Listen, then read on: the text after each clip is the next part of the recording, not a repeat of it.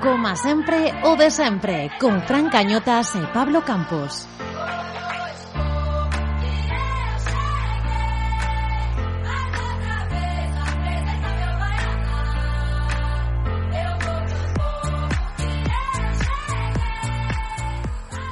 Ola, ola, moi boas, benvidos a este décimo cuarto episodio do noso podcast Celeste Décimo cuarto, eh? Pablo Campos. Eh?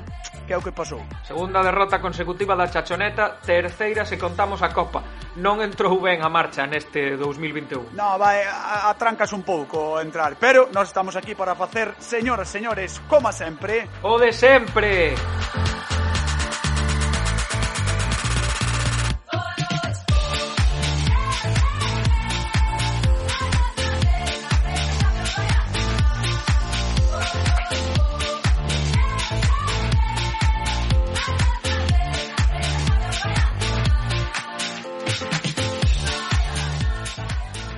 Celta caeu contra o Villarreal nunha primeira parte calamitosa. A media hora de xogo xa perdía por 4 goles. Os de Emery aproveitaron os numerosos erros defensivos da zaga celeste, mal pase de Araujo, perda de Denis e parejo asiste a Gerard Moreno. No segundo outro erro, entrega a Mal Rubén, rouba a Trigueros que asiste a Moi Gómez, Soiño para empurrala. O terceiro, unha falta lateral que ninguén despexa e que se coa na portería de Rubén Blanco. Todo isto en 19 minutos. E aínda quedaba o cuarto. O de Ferniño. Gerard Moreno filtrou un gran pase para o dianteiro, os centrais durmíronse e o gaditano bateu a Rubén. Sen Tapia, sen Aspas e sen Nolito, todos agardábamos un partido difícil, pero isto foi outra cousa, foi demasiado. O Celta en ataque pouquiño, un cabezazo de Fran Beltrán e un tiro de Alfon, o único, eu creo que do encontro. Pois sí, prácticamente o único salientable deste último partido en Balaídos e falando de Alfon no seu sube e baixa entre o primeiro e o segundo equipo, o de Albacete conseguiu os tres puntos contra o Coruxo no derbi vigués cun auténtico golazo. Sí, no minuto 89 este rapaz está de 12, o primeiro equipo, o derbi, o filial, moitísimo máis iremoslo contando no que queda de programa, pero comezamos con noso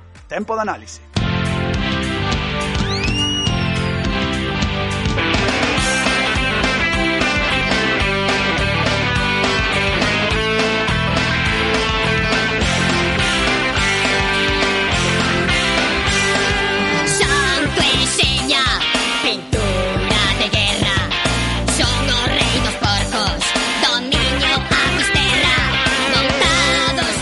Bueno, están con nos coxe para o tempo de análise desta semana Roberto Carlos Carballo, narrador do Celta na Radio Galega. Que tal, como está, Robert?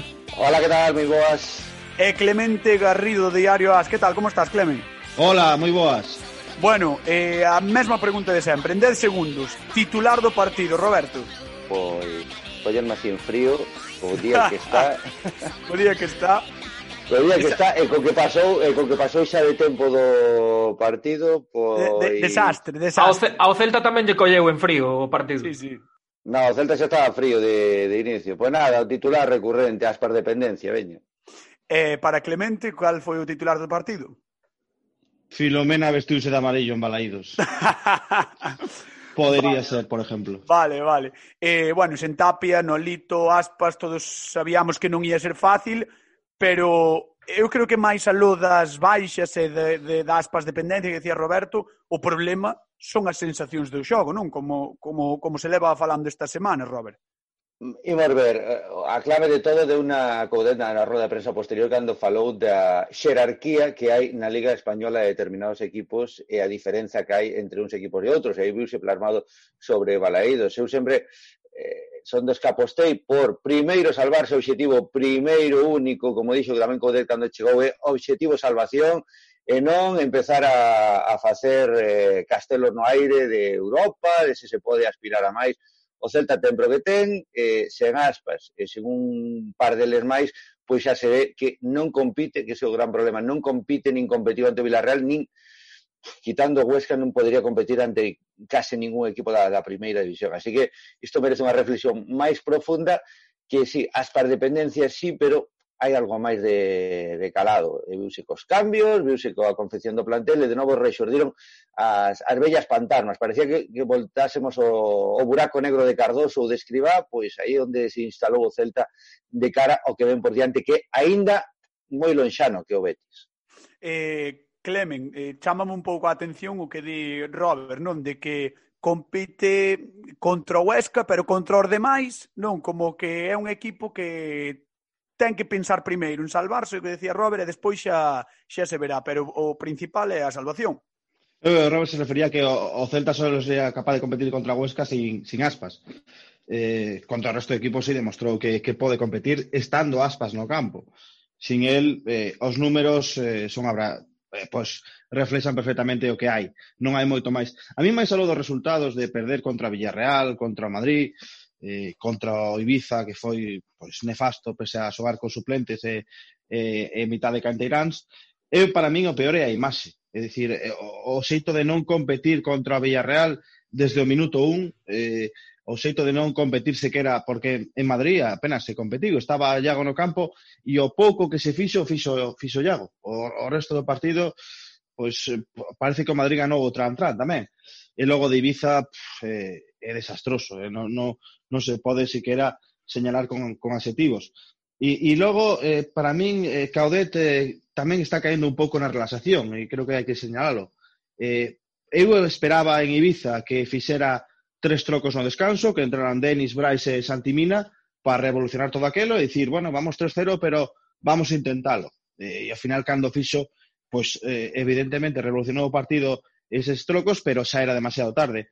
E despois, contra o Villarreal, eh, está claro que o partido estaba sentenciado na media hora co 0-4, pero esperaba que tamén sacudira o árbol e sacudira os, a súa plantilla e fixera cinco trocos eh, no descanso, non para para intentar a remontada, senón como un xeito de decirlle a, a, aos seus xogadores mira, eh, aquí ou, ou dades o, o de peito ou, ou idemos a, ao banquiño. Entón, bueno, esperaba un pouco máis, veremos que fai tamén agora con estes 10 días que hai por diante e, e se move un pouco o árbol contra no seguinte partido contra o Betis. Tamén hai que recibir na, na seu favor que non hai moito máis eh, máis aló do, do once inicial. Claro, é que ti miras o banquiño e as principais alternativas outro día ou dous, os dous xogadores que mellor rendiron son, son dos chavales que estaban co B, tanto Alfon como Holsbrook. Entón, claro, eu tamén entendo que, que o Chacho ten o 11 tipo que, que nos sabemos todos de, de memoria, de carreiriña, pero claro, é que despois das entradas a xogadores que non teñen ritmo ou que bueno, non, non quero decir que, que non queren xogar, como é o caso do Kai, pero, pero que están faltos de ritmo, como o Kai, Fran Beltrán, etc, etc, e claro, esta descompensación entre o titular e os suplentes é o que se nota e se notou, sobre todo no día do Ibiza e no do Villarreal, non, Robert? Xa, pero Pablo, eh, está correcto esa, esa reflexión. O que pasa é que Coudet, o que ten que ter en conta é que un adestrador sempre quere o mellor para o seu equipo e poñer os mellores xogadores, e non poñer por meritocracia os xogadores que ten que poñer. E aí é un pouco tirón de orellas que se debería pegar a, a Coudet, que despois do visto en Ibiza, acabar de nomealo. O Caio Curlo, eh, Beltrán, Baeza, xogadores que participaron no partido, non poden repetir nun partido ante o Villarreal, non poden xogar.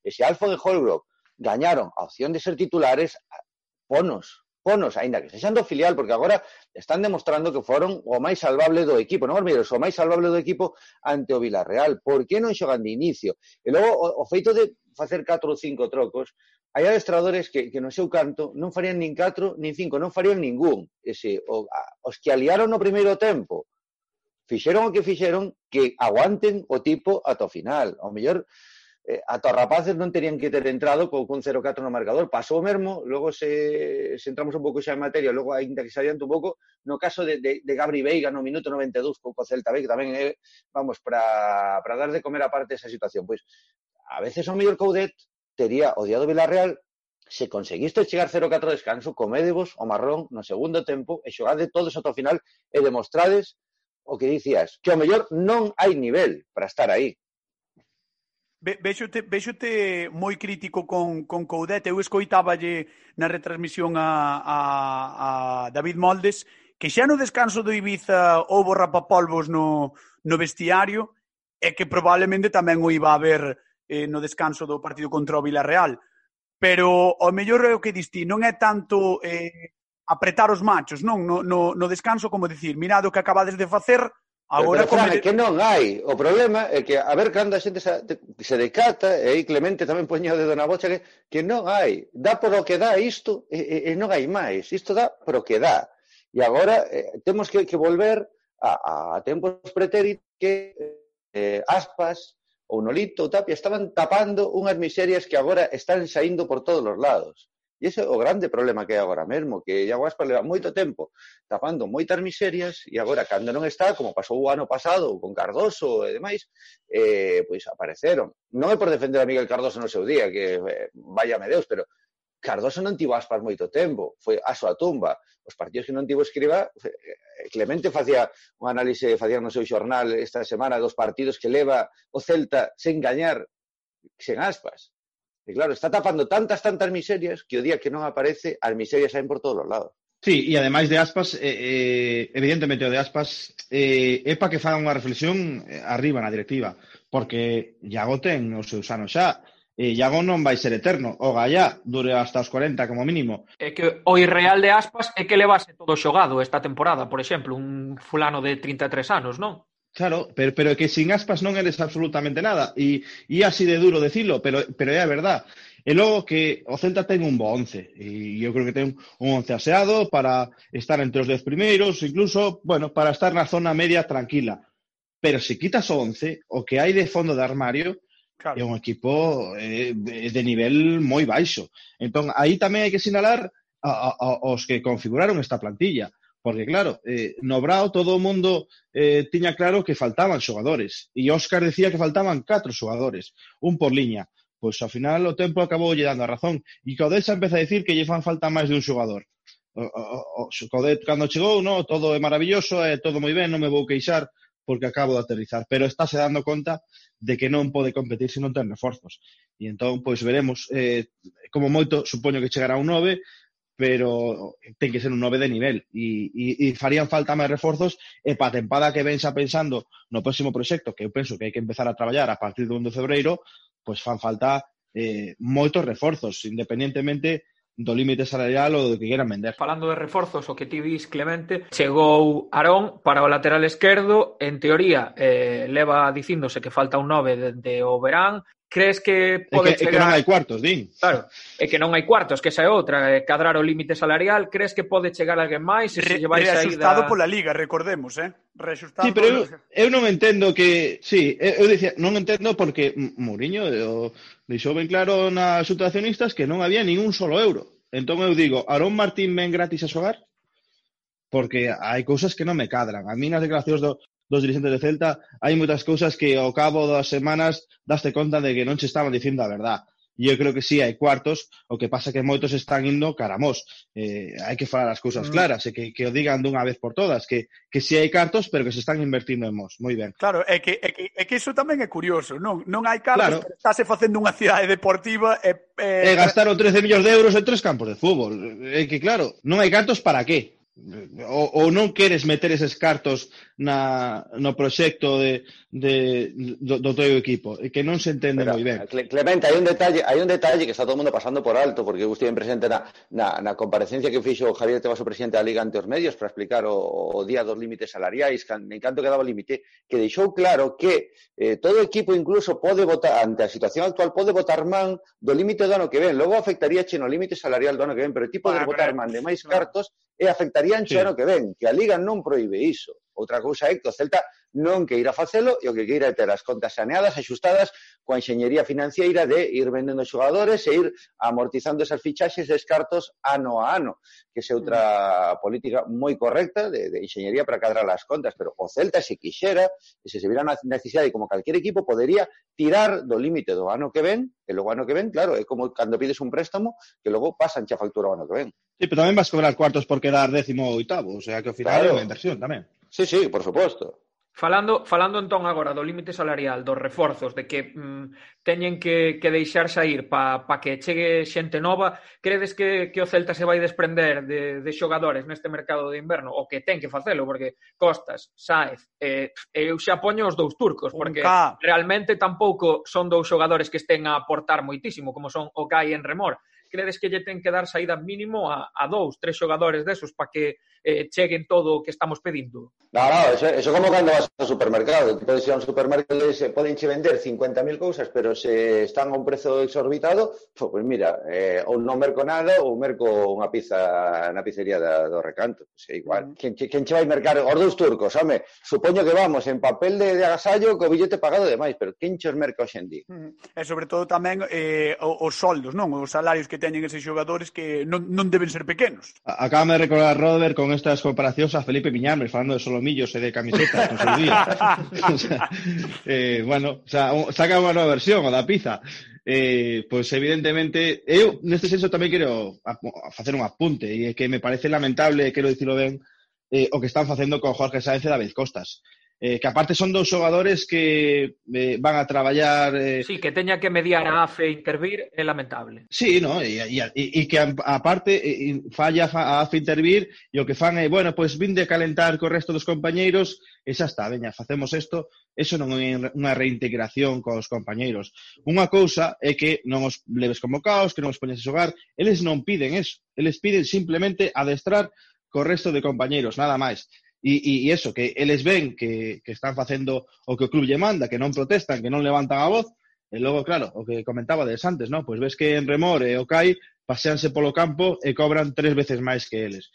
Entón, pois, pues, eh, claro, rechista un pouco. Ao final, e o de sempre, ¿no? paga o pato o, o máis feble pero bueno, son cousas que no Celta son por desgracia son habituais, eh? A, a min dá má sensación de que no Celta apartamos o foco dos directivos ou dos que configuran o plantel eh, moi rápido. É dicir, e de repente chega o Coudet, ven un mes bo e xa, ala, eh, todo, todo é maravilloso, non? E, sí. e, e ao final eu penso que temos que ser tamén un pouco máis críticos ou constantes no tempo coa crítica que hai un cambio de estrador, hai cambios de estradores e hai moitos cambios de xogadores por algún motivo porque o plantel non está ben configurado e porque hai problemas eh, tamén con xogadores que están dentro do plantel que moitas veces veñen da directiva, porque tivemos o caso de Hugo Mayo, por exemplo, eh, con Óscar, pero é que levamos anos tendo problemas cos xogadores pero problemas coa propia directiva, coa alta dirección do club. Pero aquí depende dos marcadores e depende da moda que se poña. Aquí hai un mes os cantirán serán os que ian salvar isto, os cantirán xa se comer o mundo,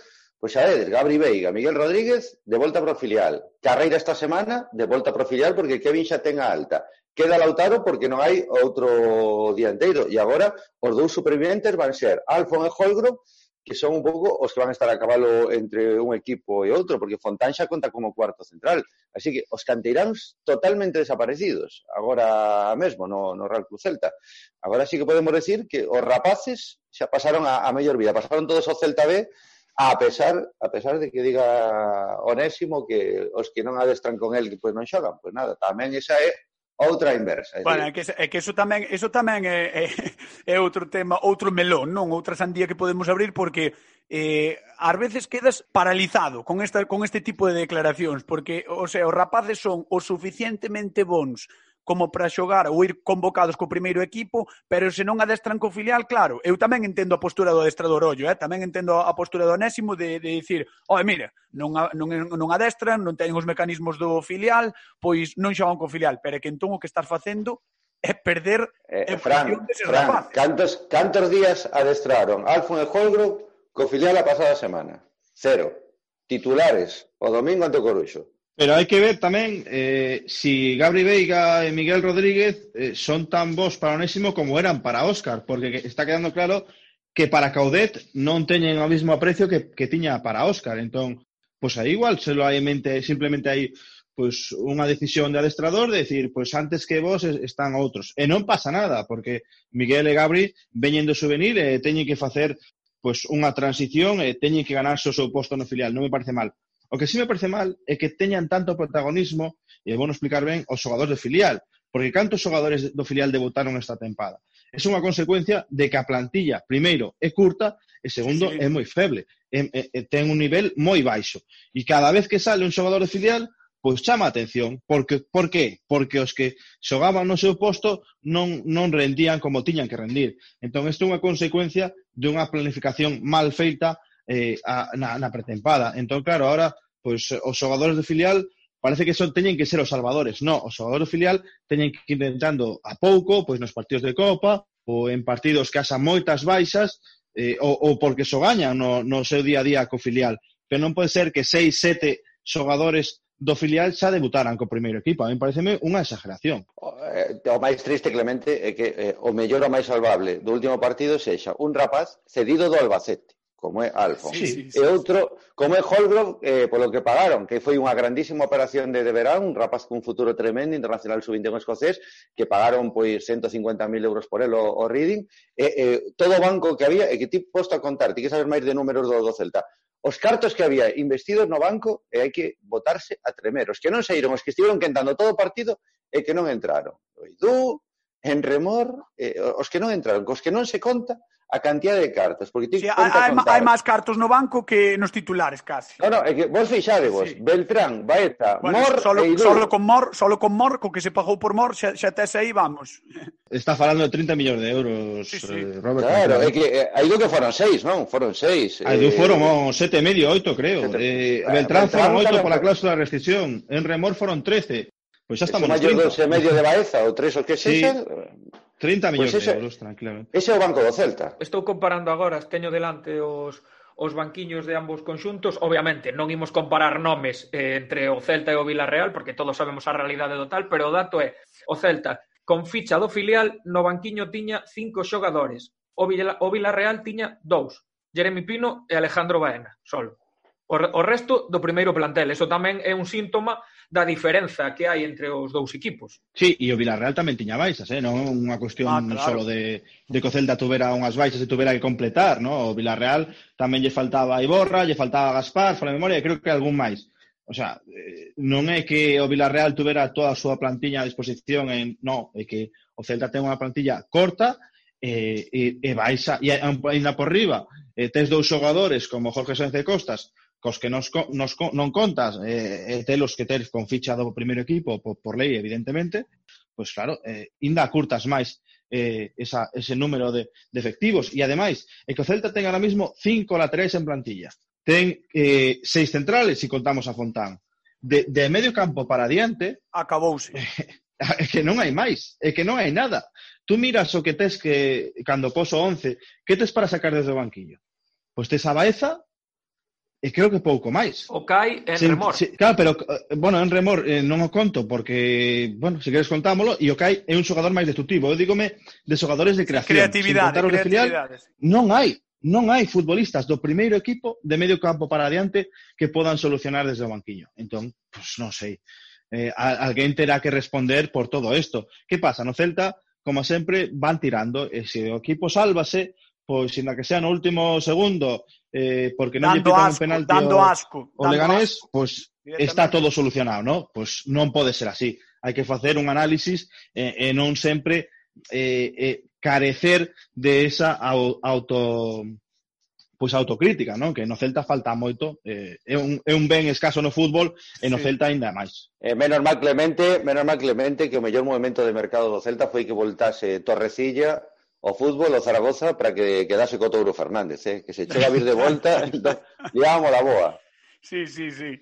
Ia, ia, ser, ia ser bonito tamén ter o Touro eh, no, no plantel desta temporada. Eh? Ia ser o me imagino feira... que, que, que na cláusula, no, no, no contrato de cesión, iría xa escrito que, que non podía volver ou que se volvía tiña que pagar unha cantidade de de cartos pois importante, ¿no? Porque ao final tamén ademais de ademais de que ter un xogador máis é que é, é estranxeiro eh, mm. non tes fichas xa para metelo, o sea que non creo que, que ese movimento, que o caso do Touro tamén eu creo que é un caso para analizar outro día, pero mm, que é un caso casi tan perdido como de remor ou casi. Eh, bueno, eh, eu creo que podemos falar do que, do que ven por diante eh, desta mini semana de, de descanso que ten o Celta porque o Celta, porque ao final este parón ata parece que vai favorecer os intereses do, do equipo celeste, porque non xoga a Copa do Rei, vai poder descansar, igual liberar un pouco a mente e centrarse no Betis, que é un equipo que non está precisamente ben e no que, no que hai que dalo todo, no que hai que ir, que ir a por todas.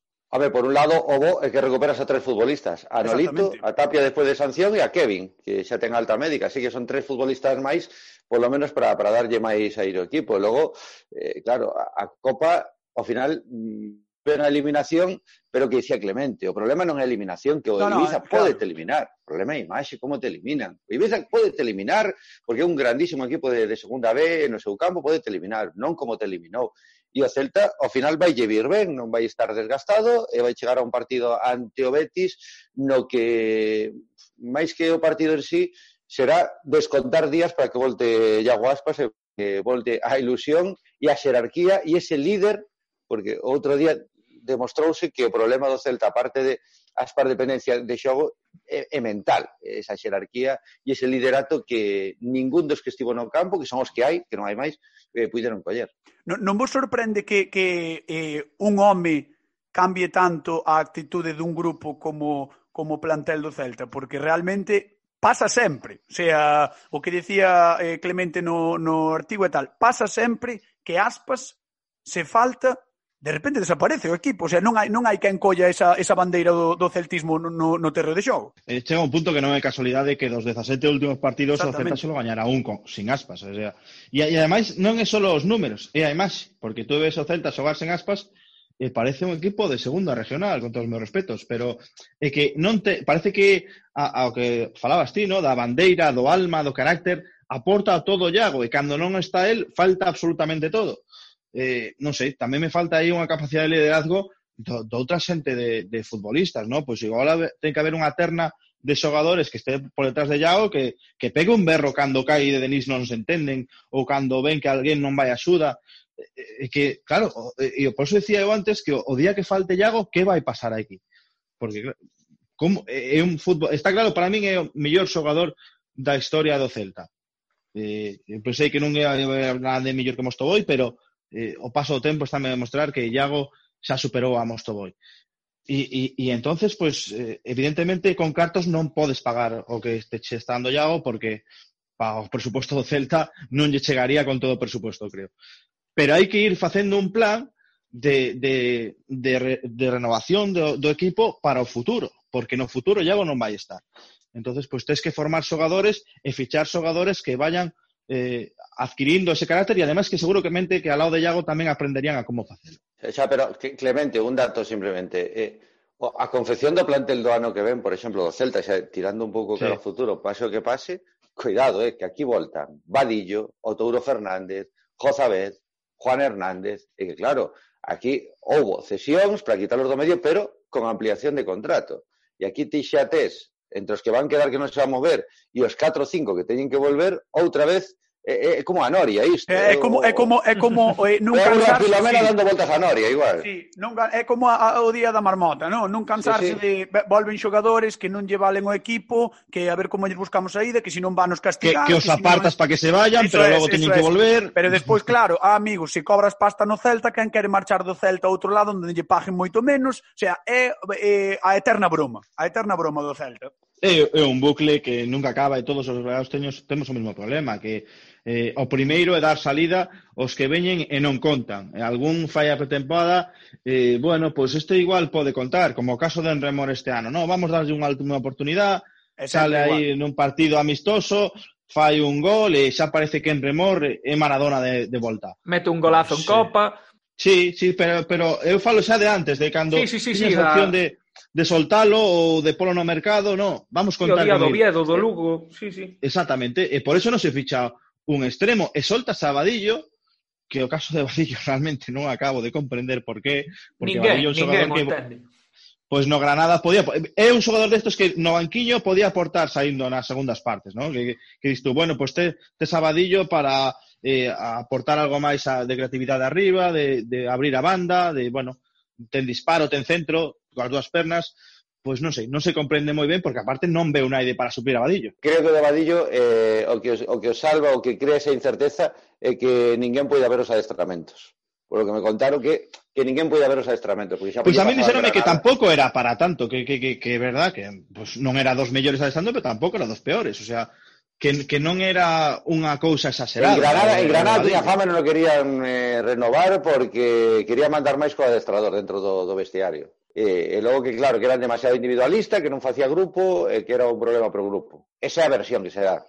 Aquí eu o que sei aquí do vestuario de aquí é que mm, mm, todo o contrario que non había ningún problema con él e que adestraba como máis, sin ser dos mellores tampouco, é verdade, pero tampouco pasaba de todo nin todo eso. Tampouco titular no español, nin no español é titular, que ese é o problema. Que os que marcharon non son nin titulares. Bueno, pero que español, o, o, o equipo de español, cuidado tamén co equipo de español, eh, que en sí, Barba... Que, o, eh, sí, compañía, que- Raúl de Tomás, eh, pff, eh, tengo equipazo español, que, que competiría perfectamente en primera división. O sea que, bueno, non sei. Penso que podía aportar máis que, que outros xogadores, como por exemplo en Remor, sin ir máis longe. Sí, sí, cousa que, que non é difícil. Bueno, para ir pechando este tempo de análise, vou vos lanzar unha última, unha última pregunta rapidiña e a ver que me contestades. Vindo a situación de, de Borja Iglesias no Betis, eh, aproveitando que xogamos a semana que ven contra, contra eles, eh, ficharía de Lopa para o Celta. Ou tantearía des esa eh, posible opción de, de cesión ou compra en verán ou, bueno, todos estes truquiños que,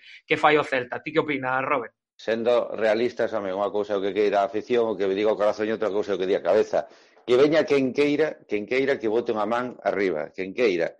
Eh, xa sabemos que Borja Iglesias non é posible polos cartos que van pedir, polo que cobra demais, así que quen queira. Mira, vi esta fin de semana outra vez a, a Caleri, o que o Celta dixo que non, porque que será moi tronco demais, marcou o Celta, a piques de marcarlle o Madrid, eh, loita, pégase tal, pois un Caleri da vida. Cun Caleri o Celta melloraría moito en ataque e descargaría de traballo. Eh, botamos de menos ao ruso, ahora, eh? Sí, que botas de menos a calquera, porque como non hai nada, entonces, evidentemente, pues mira, ose día que estaba de cumpleaños Ricky Hogendorf, pues tanto igual non, pero casi.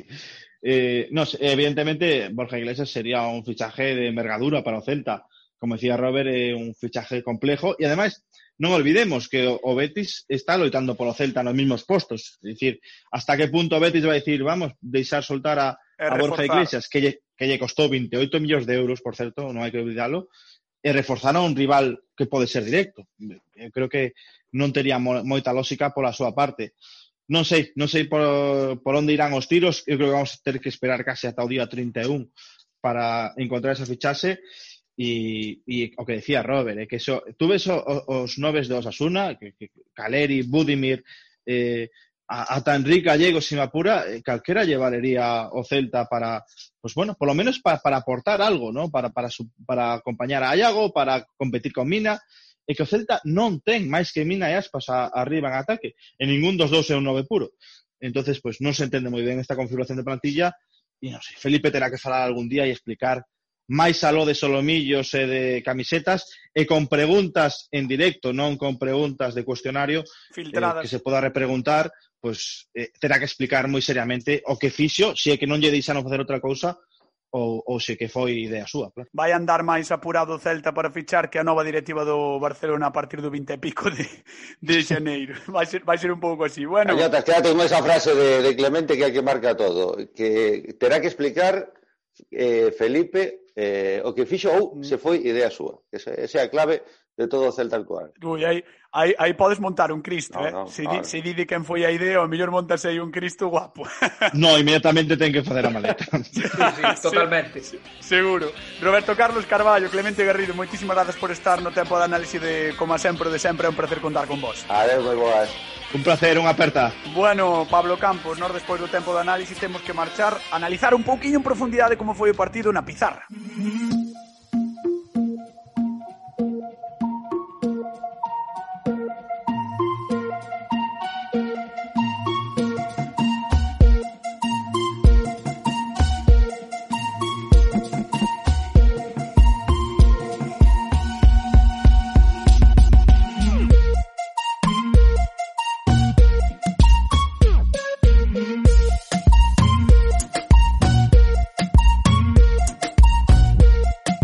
E para analizar, agora sí, esta derrota con mayúsculas do Celta fronte ao Villarreal está connosco un habitual do programa, Alex Gesto, xornalista e analista. Que tal, Alex? Bueno, non tan ben como outras semanas porque a derrota foi nas condicións nas que foi, pero ben, como sempre, por suposto. Que sensación che deixou o encontro? Mala, eu penso que a todo mundo sae con mal sabor de boca deste encontro, sobre todo do, do primeiro tempo que é onde, digamos, decantas o partido e o Celta mostra, mm, digamos, eh, perigos e problemas que non estaba a ter tan xeralizados durante o que quedaba de temporada. É certo que mm, nesta etapa na que chega Coudet eh, non ten tantas baixas o Celta, non hai un período non que xogadores tan importantes eh, teñen ausencias e xa sabíamos por iso que este encontro iba a ser difícil nese sentido, pero ainda así o equipo foi eh, pouco pouco competitivo se non, se non podemos dicir que directamente non foi competitivo no primeiro tempo.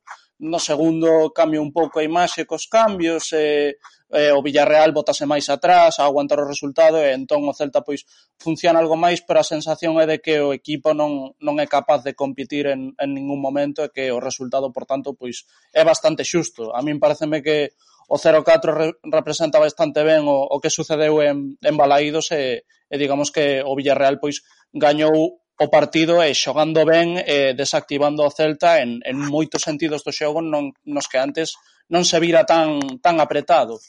A nivel táctico, as baixas de Tapia, Nolito e Iago Crees que condicionaron en exceso o plantexamento do Chacho Coudet? O plantexamento non creo, senón tanto igual máis eh, o guión de partido como sucedeu eh, o xogo, como intentou buscar solucións ao Celta, que o propio plantexamento. Eh, nós xa sabemos, eh, xa temos visto que a idea de Coudet é moi fixa, pero xogadores tan importantes como Aspas, como a Tapia, incluso a baixa de Nolito, pareceme importante porque é un xogador que aínda que dende o silencio moitas veces ten importancia porque móvese moi ben entre liñas e favorece moitas veces a buscar ese, ese pase vertical, esa superioridade interior, pois hoxe non estaba ningún dos tres e o equipo notou non moitísimo. Ademais de que o Villarreal plantexou moi ben o partido, e molestoulle moito a Celta a saída de balón, e apretoulle moi ben, Parejo fai un partido sen balón moi bo, e nos errores que ten o Celta, que xa son consecuencia directa destas problemáticas que tivo, pois condena de maravilla ao Celta,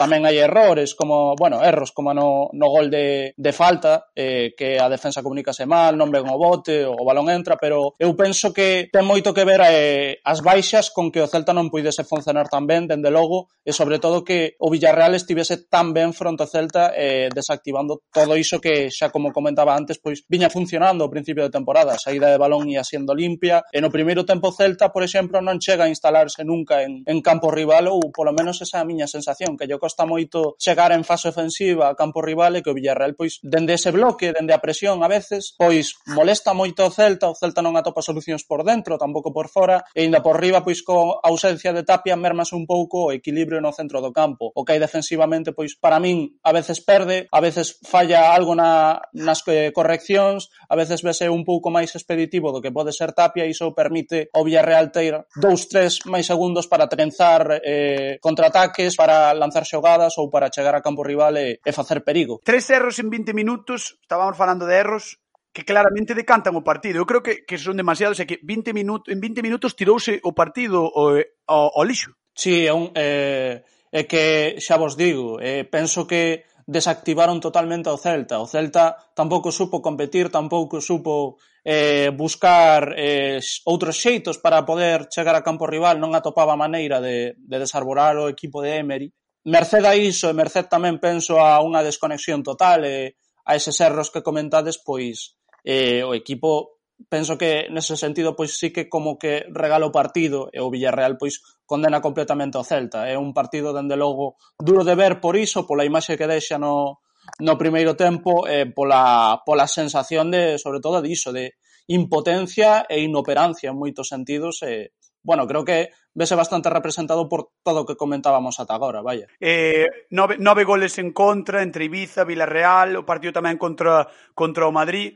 Eh, non sei, parece que, aparte de que foi a semana horribilis do, do Celta, esa, non vou decir seguridade defensiva, porque igual é falar demasiado, pero esas, esas sensacións eh, negativas que, que tiñamos antes, eses erros, pode ser algo que, non sei, que este relacionado tamén coa preparación física, con que o equipo se caia, non sei, ti que, ti que ves?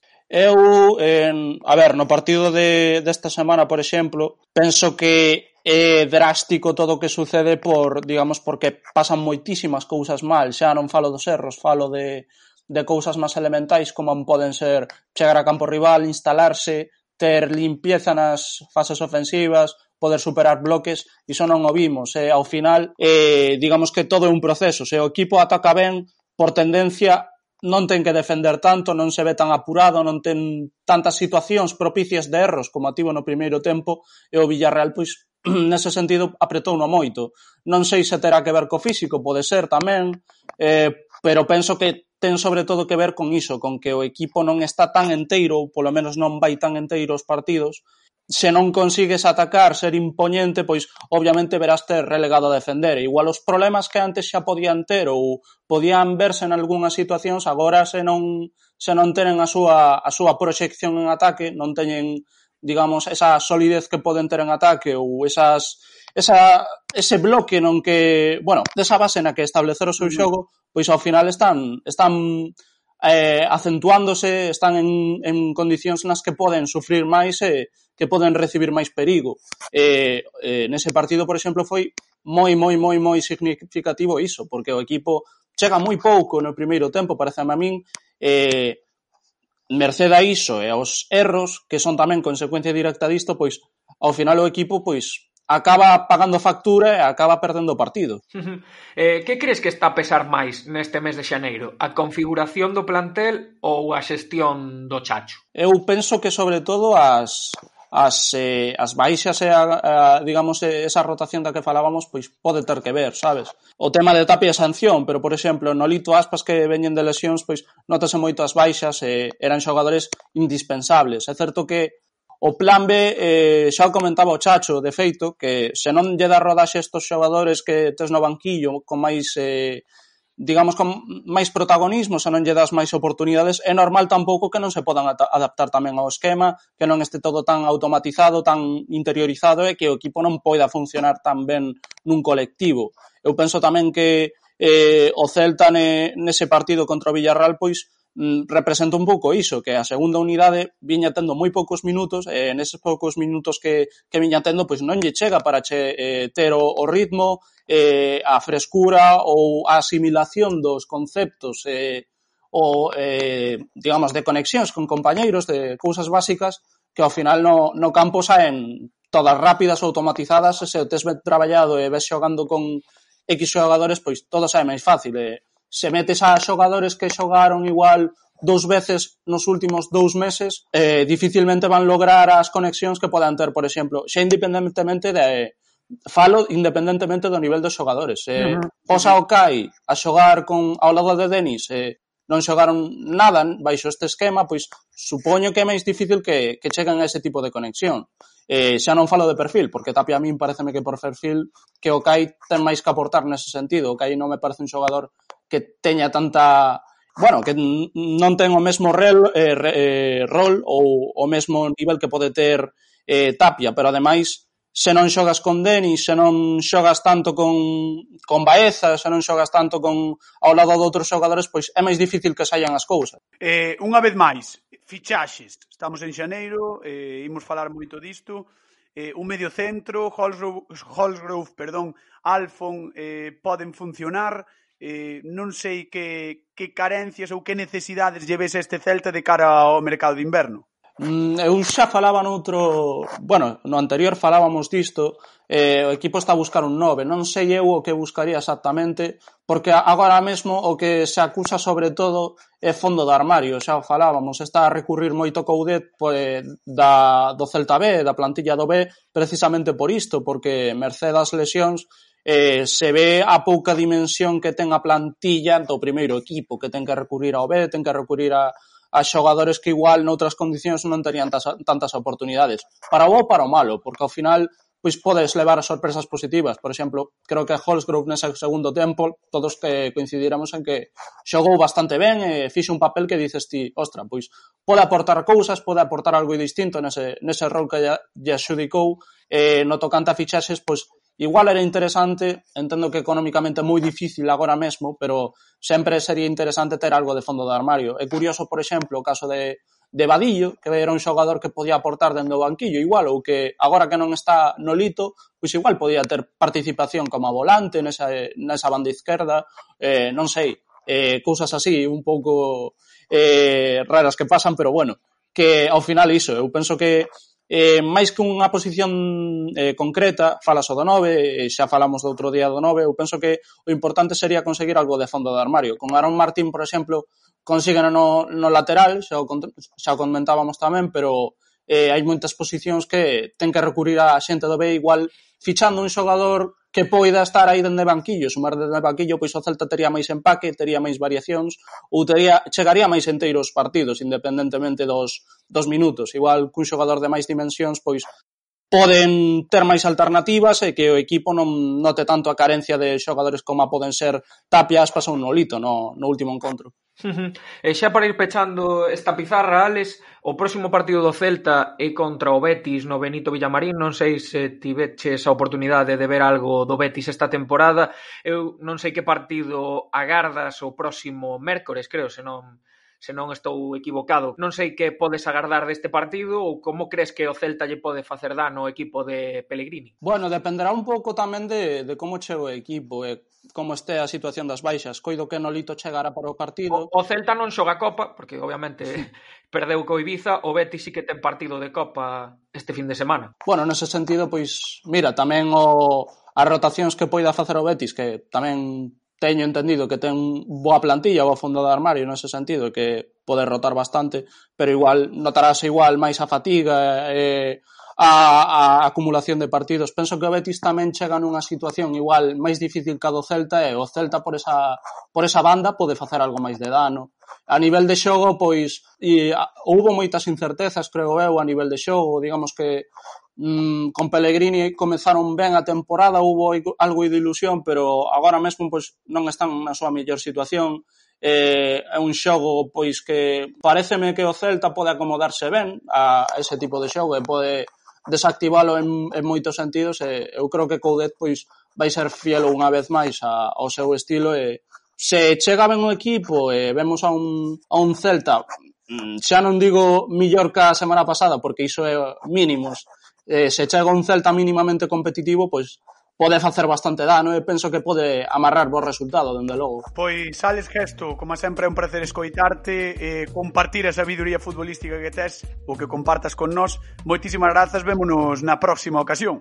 Nada, grazas a vos e eh, nada, o de sempre, cando que irades, pois pasome por aquí e intento falar de fútbol que que é o que máis me gusta, xa sabedes. Así que igual, nada. igual que a nós. Moitísimas grazas, Alex. Nos marchamos porque temos un convidado moi especial. Falamos co capitán do Coruxo, novamente está no como sempre de sempre, Antón de Vicente.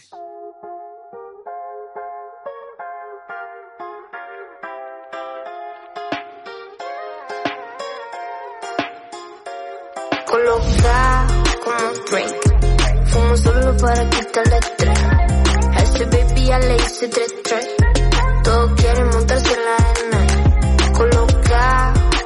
Drake. Fumo solo para quitarle estrés. A ese baby ya le hice 3-3. Todos quieren montarse en la arena. Mambo con Derek Spray a la cuenta de... Retomamos a, se a sección de Zona Mixta cun convidado de luxo, Antón de Vicente, capitán do Coruxo. Que tal, Antón? Hola, moi boas. Imagino que, Antón, te marchastes un pouco enfadados e tamén, imagino que decepcionados tras o encontro en Barreiro. Sí, bueno, eh, un encontro que que comezamos moi ben, que, que tivemos as, no primeiro tempo creo que eh, fomos dominadores do, do encontro e tivemos as mellores ocasións, que no segundo tempo creo que se igualou un pouco, as, se igualaron as forzas, quizáis nos últimos 15 minutos rompeuse un pouco o partido, fixo, fixo un partido de transicións e aí, bueno, creo que o Celta B se, síntese cómodo e, e bueno, na última xogada case que do partido un pequeno erro defensivo eh, e, e, e che, se meten o gol e, bueno, quedas, quedas con cara de parvo, non? Porque creo que que ao final eh, era o, o primeiro partido que tiñamos marcado no, no calendario como a primeira final era importante eh, de, non, de non poder gañar pois eh, sumar un puntiño porque farías que o Celta B non se escapase agora mesmo a sete puntos, eh, manterías a distancia e, bueno, ao final, pois, eh, gaña o Celta B, ti te quedas nunha posición difícil e, bueno, hai que facer unha segunda volta de campeonato para, para non para non conseguir ese, ese obxectivo negativo que sería eh, xogar para non descender a, a terceira división. Falabas de que entrachedes mellor no partido nesa primeira metade, eh, as ocasións de Diego Silva no primeiro minuto do, do encontro, e sobre todo a de Mateo, xa cando estaba a piques de pitar o, o tempo de lecer, eh, foron as dúas clarísimas cun paradón que fai, que fai Sequeira. Crees que o Coruxo ten un pouco de, de falla de gol esta temporada? Sí, bueno, os números están aí para, para certificalo. Está claro que, que levamos moi poucos goles. O outro día vin unhas estadísticas que na que dicían que éramos o quinto equipo con, con máis goles na categoría na que, bueno, o no, no noso grupo é o, o segundo que menos porcentaxe de, de gol por minuto te, de, que gol por minuto ten, non? en ese sentido, pois está claro que os números din que tenemos un, un problema aí, pero máis que ter o problema de goles, o problema de, de, de encaixarlos, non? Porque creo que eh, sacamos moito rendemento os goles que facemos, pero en cambio cada vez que nos fan un gol, pois custanos un mundo eh, darlle a volta ao, ao resultado. Entón, nese sentido, creo que é prioritario para nós, como, como pasou o ano pasado, eh, nesta segunda volta non encaixar. Eh, nos partidos que non encaixamos e conseguimos eh, eh, estar por diante no marcador, pois sacamos resultados, aí están os sete puntos que temos. Eh, contra o Compos foi o único día que, que tivemos a, bueno, a, eh, contra o Pontevedra a portería cero, eh, un punto de tres puntos, Eh, contra Guijuelo pusémonos por diante no marcador e ainda así eh, nos igualaron e despois, eh, bueno, volvimos a meter. Eh, bueno, ao final os números din que, que necesitamos eh, pornos por delante no marcador ou, ou polo menos non encaixar para sacar eh, os puntos adiante. Entón, nese sentido hai que espabilar, hai que, sobre todo fora, fora da casa que levamos mm, cero puntos, eh, creo que si sí, no vao eh, de catro partidos de catro partidos que soamos Bao temos sete puntos, non está mal, non son malos números, pero fora da casa levamos cero puntos e hai que porse as pilas. Uh -huh. Quizáis outro día en Barreiro o factor diferencial foi que o Celta B ten un xogador en estado de 12 como, como Alfon e que o Coruxo non. Sí, sí, porque é verdade que Alfon tivo dúas xogadas eh, de moito mérito que, que din a calidade que ten ese xogador. Unha no primeiro tempo na que na que estou eu intentando tapar o tiro e, e tira por, por debaixo das miñas pernas e, e, e sai a un metro fora da portería, pero casi o mete.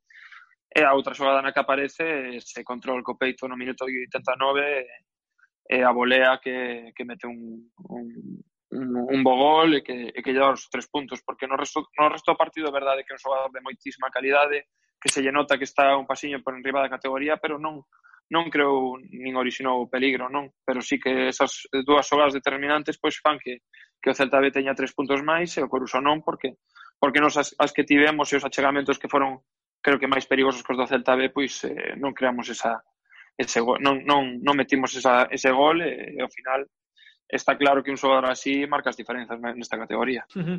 Bueno, no que respecta a ti personalmente, tes que cambiar de posición pola lesión de, de Martín Fuentes, que agardamos que non sexa que non sexa grave, pasas de central a lateral eh, dentro dun partido, imagino que tamén condiciona ese cambio de posición, aínda que, bueno, metes o, o balón para asistencia de Mateo e un gran pase longo teu. Sí, ao final, bueno, pues, eh, estou acostumado a cambiar de posición, pero sí que é certo que sobre todo pola lesión de Martín, non? Eh, a min, aparte de que eh, é un, é un compañero que lle teño moitísimo cariño, eh, sei todo o que leva pasado no fútbol, ainda que ten só 21 anos, eh, é unha mágoa porque susto cando, cando máis está rendendo, ademais, pois tes unha lesión así, e, eh, bueno, estamos esperando resultados, parece que é menos do que, do que se esperaba, pero bueno, hai que esperar a, a resonancia eh, e, e a certificación de que non sexa o cruzado, eh, a ver se ten sorte, pero sí que sí que é certo que cando eu de central estaba me eh, atopando moi moi cómodo, eh, a sensación era de non ter eh, moito perigo nos, nos achegamentos do Celta B durante o primeiro tempo, eh, o equipo pois ao final eh, estábamos todos xogando creo que bastante ben, eh, a Martín estaba cómodo de lateral, eu estaba cómodo de central, e ao final tes que cambiarte, que cambia totalmente o, a, a posición, as orientacións, as carreiras que faz, cambia totalmente, non? É certo que nos últimos partidos pois estou xogando máis eh, no medio, eh, esta semana había adestrado de central pola falta de Pablo Crespo e, eh, eh, me senti incómodo porque é unha posición a que xoguei moitas tempadas tamén, E ao final ter que cambiar o lateral pois eh, condicionache un pouco. Eh, a verdade é que na primeira xogada con Alfon sufrí porque tirou un sombreiro e fixo unha xogada de, de perigo E a partir de aí sí que no segundo tempo xa estaba centrado e, e non, non pasei apuros eh, importantes, non? E, atopo me cómodo tamén, é unha posición que non me encanta xogar, a verdade, eh, recoñezo, pero sempre que lle veña ben o equipo, pois ao final, pois, eh, para, para iso estou, non? Eh, ao final o adestrador é o que manda, e o equipo ten necesidade nesa posición, e bueno, estamos a espera de verse se nas próximas horas chega Ricky Mangana, que é unha dúbida que está aí, parece que estaba pechado, pero parece ser que hay dificultades con, ca rescisión de contrato co Celta e, bueno, estamos á espera de, desas noticias porque senón, pois, eh, agora mesmo supoño que terí que, que ocupar esa posición outra vez.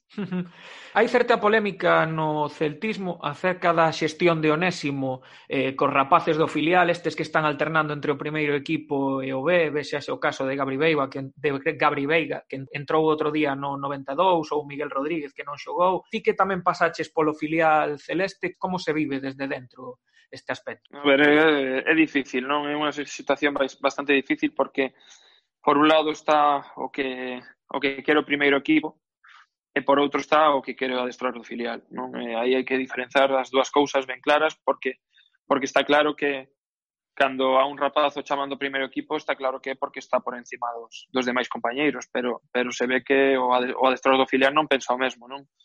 Eh, entón, pois hai un contraste de intereses e de opinións aí que, que evidentemente agora mesmo na, ninguén está está sendo eh, en autorización por enriba do, do outro, non? Eh, creo que Onésimo eh, lle mandan eh, unha tarefa que sacarlle o, máis, o máximo rendemento filial con esa intención de subilo a, a, a esa eh, primeira Federación Pro, Española, sí, sí, sí, o segunda B Pro, ou eh, intentar meterse nos tres primeiros postos e intentar, eh, por que non, ascender a, a segunda división, non? Eh, uh -huh. E para outro lado, eh, o, o club eh, está vendendo eh, está demostrando tamén con, con certos xogadores que quere darlle protagonismo a canteira e sube os xogadores que creen que, que son os máis interesantes, non? Eh, pero está claro que hai un conflicto de, de, de idade, non? Que é que, por exemplo, eh, eh, os xogadores que teñen máis de 23 anos xa non poden subir o primeiro equipo porque porque de subir ao primeiro equipo terían que quedarse con ficha do primeiro equipo. Entón, ao final son todo intereses, non? Eh, intereses por un lado de, de Onésimo de sacar o máximo rendemento do equipo, porque senón el tamén se está xogando a súa carreira, e por outro lado o club. Eh, o que vin eu, dende logo, é totalmente contrario, non? Porque eu tiven a sorte de, de subir co primeiro equipo e baixar a adestrar os sábados co filial, tan só os sábados, e xogar titular co filial, non? E niso teño que moito que agradecerlle ao club e, e a Pichi Lucas, que era o meu adestrador, e creo que é o normal, porque se te están subindo o primeiro equipo é porque tes as condicións necesarias para estar aí. Entón, creo que, que nese sentido os, os máximos perjudicados están sendo Gabri Veiga, Miguel, incluso Sergio Carreira, que é outro xogador que entrou no, no segundo tempo. Para mí hai moitísima diferenza, eh, o digo con todos os respetos do mundo, co, co lateral dereito que xogou no primeiro tempo. O sea, Sergio é moitísimo mellor que ese rapaz ese rapaz xogou na súa posición os últimos minutos e demostrou que é un gran central. E, bueno, ao final, pois, eh, creo que hai que utilizar o sentido común, eh, axudarlle os xogadores, porque, ao final, un filial está para promocionar aos xogadores o primeiro equipo, non para conseguir resultados. E creo que en eso pois, hai un conflito de intereses e, e ata que se resolva ese conflito de intereses pois non vai non, os, os perjudicados van a ser os xogadores que é unha pena porque porque ao final teñen son de grandísima calidade os tres. Claro, ata que punto se lle pode achacar a Onésimo que non lle dé ese protagonismo aos rapaces que van a adestrar co primeiro equipo, pero que claro, Onésimo por outra parte pode dicir, os números están aquí, 4 victorias nos últimos 5 partidos, 14 puntos, eh, teño o filial cuarto, a ver que me pode decir algo tamén, non? É que eso é un, un tira e afrouxa, como ben dis ti, entre o clube e, e o filial. Que ademais, e que ademais os xogadores que están xogando, por exemplo, no sitio de Gabri Veiga, son dos pedazos xogadores, tanto Merkel como como Holsgrove son son dos xogadores que teñen un potencial tremendo que que ademais compaxinanse moi ben eh, un e outro. E bueno, eh, a verdade é que unha para, para ser adestrador do filial hai que ter personalidade dende logo Onésimo está demostrando moita personalidade nese sentido. Al fin, ao final eh, está claro que eh, o que vai marcar o clube se con Gabriel Vega están, eh, se están equivocando por, por haberlo subido ao primeiro equipo non darlle minutos ou se realmente hai que imponerlle o, imponerlle o, o adestrador do filial pois que non, que teña que xogar no filial. Eh, tamén sería insusto que, que de impoñerse eso pois os perjudicados fosen tanto Merkel como Horslow porque ao final son dous xogadores que están rendindo 100% que están eh, sendo os, os capos no medio campo e que, e que están demostrando que tamén teñen potencial interesante para porque non eh, estar no primeiro equipo. Nese sentido, eh, a verdade é que é difícil valorar a situación, pero está claro que o que non pode estar perxudicado é un rapaz de 18 anos que ten unha grandísima calidade, que é Gabri Veiga, e que, e que outro día pois que entre no 92 case que é, é como a falta de respeto ao xogador, non? De feito, bueno, comentábamos antes no tempo de análise que tanto Holsgrove como Alfon eh, foron do mellorciño do, do Celta outro día no, na debacle contra o Villarreal e que, por que non, poden ter máis asiduidade e continuidade no primeiro equipo. Sí, ademais, eh, creo que teñen potencial eh, para, para estar aí, para, agora que hai falta de, de fondo armario no, no primeiro equipo, pois que poden, poidan ser xogadores que estén aí adestrando co primeiro equipo e porque non indo convocados e tendo minutos, pero sempre cando non se, se lles persudique a hora de poder xogar co filial. O sea, un pouco o que lle está pasando a, a estes eh, rapaces dos que falamos eh, nuns minutos, non? Que, que ao final eh, o primeiro equipo ten que ser un, un premio gordo o sea, que, que, que poidas estar aí metido, eh, disfrutando do fútbol profesional, tendo as, as oportunidades de xogar minutos, eh, eh, pasando a dinámica do primeiro equipo, pero sempre, sempre cando non, non estes cinco partidos sen, sen, sen xogar un minuto, porque ao final iso é perjudicial para o xogador, non? Eh, eh, creo que sí que poden aportar eh, moito, outro día o demostraron contra o Villarreal, eh, certo que o partido estaba 0-4 xa, e que entraron uns minutos que, bueno, que, que é difícil valora, valoralos, porque o, o, o Villarreal ao final pois eh, botou uns metros atrás e, e tentou que, que acabase o partido así. Pero sí que é certo que, que son dos xogadores que teñen ese potencial, que teñen esa calidade e que ademais demostran moita personalidade. O, o, no partido de Copa contra o Ibiza tamén tamén gustaron os dous e creo que, que foron do mellor do equipo. E hai que tenos en conta porque porque por idade, por potencial e por todo, pois creo que se pode votar man. Uh -huh. Falando agora do teu equipo do Coruxo, eh, comentabas antes os malos resultados do equipo fora da casa, sodes uns dos peores visitantes da Liga xunto co, co Guijuelo. Próximo fin de semana eh, viaxades a Zamora. A verdade é que non é, non é un bom momento para xogar dous partidos fora do Bao, non? Non, non nunca é o mellor momento, pero, pero sí que é certo que, que se algún momento é o mellor, eh, é agora porque, porque comeza a segunda volta, porque necesitamos que que, que chegue esa, esa primeira victoria fora da casa para coller tamén confianza na casa eh, porque, porque creo que ao final mm, sempre vamos estar pensando o mesmo, que nunca é o mellor momento eh, eh, quizáis o mellor momento é agora que acabamos de perder co Celta B facendo un, un bo partido e que estamos resarcidos desa, desa derrota que necesitamos voltar a, a conseguir tres puntos e que mellor co Zamora que, que acaba de gañar o, o Deportivo e que ten unha, uns puntos interesantes que está aí nos tres primeiros postos que, que é un equipo que está facendo as cousas moi ben e que ao final pois eh, creo que, que o que dicía non eh, non podemos ver o rival nin se na casa ou fora que o Coruso ten que sumar moitos puntos nesta segunda volta para se quere, se quere non pasar apuros e se quere salvar esa, ese posible descenso a, a terceira división nesa segunda fase, non? Eso si, o partido dentro de dúas semanas, imagino que un dos que tedes marcado en vermello no calendario, eh, recibides o Salamanca na casa, ese partido imagino que xa dende, dende agora prácticamente é un dos que está desconcienciados de que hai que gañar sí ou sí. Sí, sí, os partidos da casa está claro que, que non, non se pode salvar ningún equipo de pasar polo Bao e, e que salga e que salgan con, con resultado negativo, eso está claro. Eh, ao final, na casa atopámonos ben, eh, necesitamos esas victorias que, que, que nos den ese, esa, esa tranquilidade na eh, clasificatoria e de puntos. Eh, e, eh, eh, bueno, eh, creo que agora soamos un partido máis novao.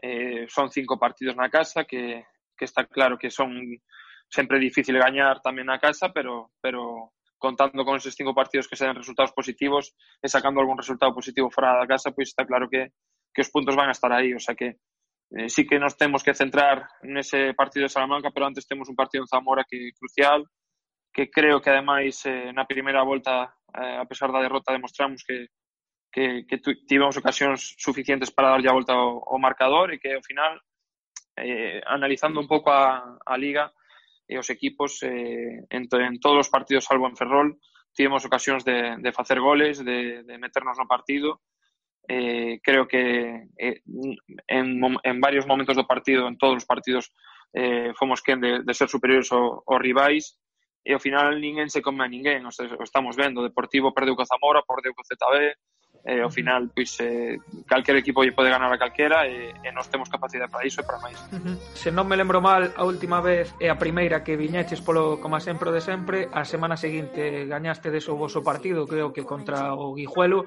Agardamos Correcto. agardamos que esta semana sexa o mesmo que que gañedes ao Zamora e que poidades seguir sumando de tres, que é o importante para que o Cruxo eh, se manteña na categoría. Entón de Vicente, moitas grazas por estar no como sempre de sempre, xa sabes que esta é a túa casa e que podes vir falar do Celta, do Coruxo e da segunda B cando queiras. Un placer para min e nada, seguir dando guerra que, que é un placer escoitarvos. Unha aperta. Veña, unha aperta.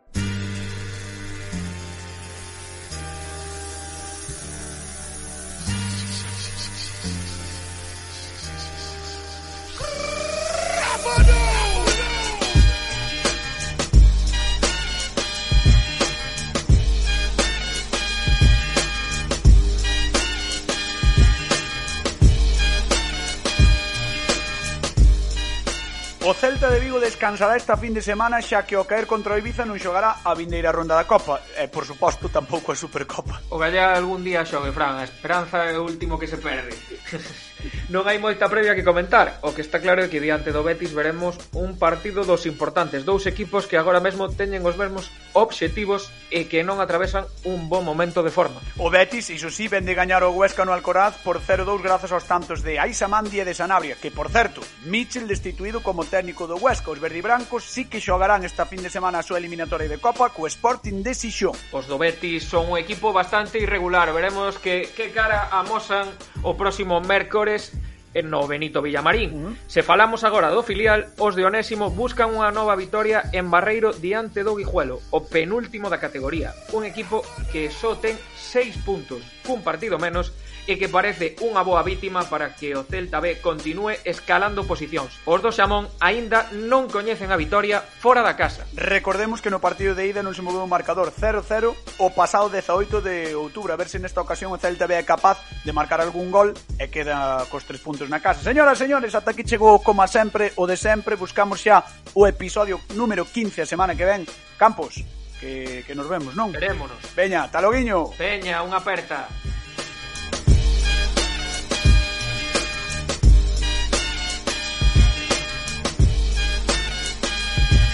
Coma sempre, o de sempre, con Fran Cañotas e Pablo Campos.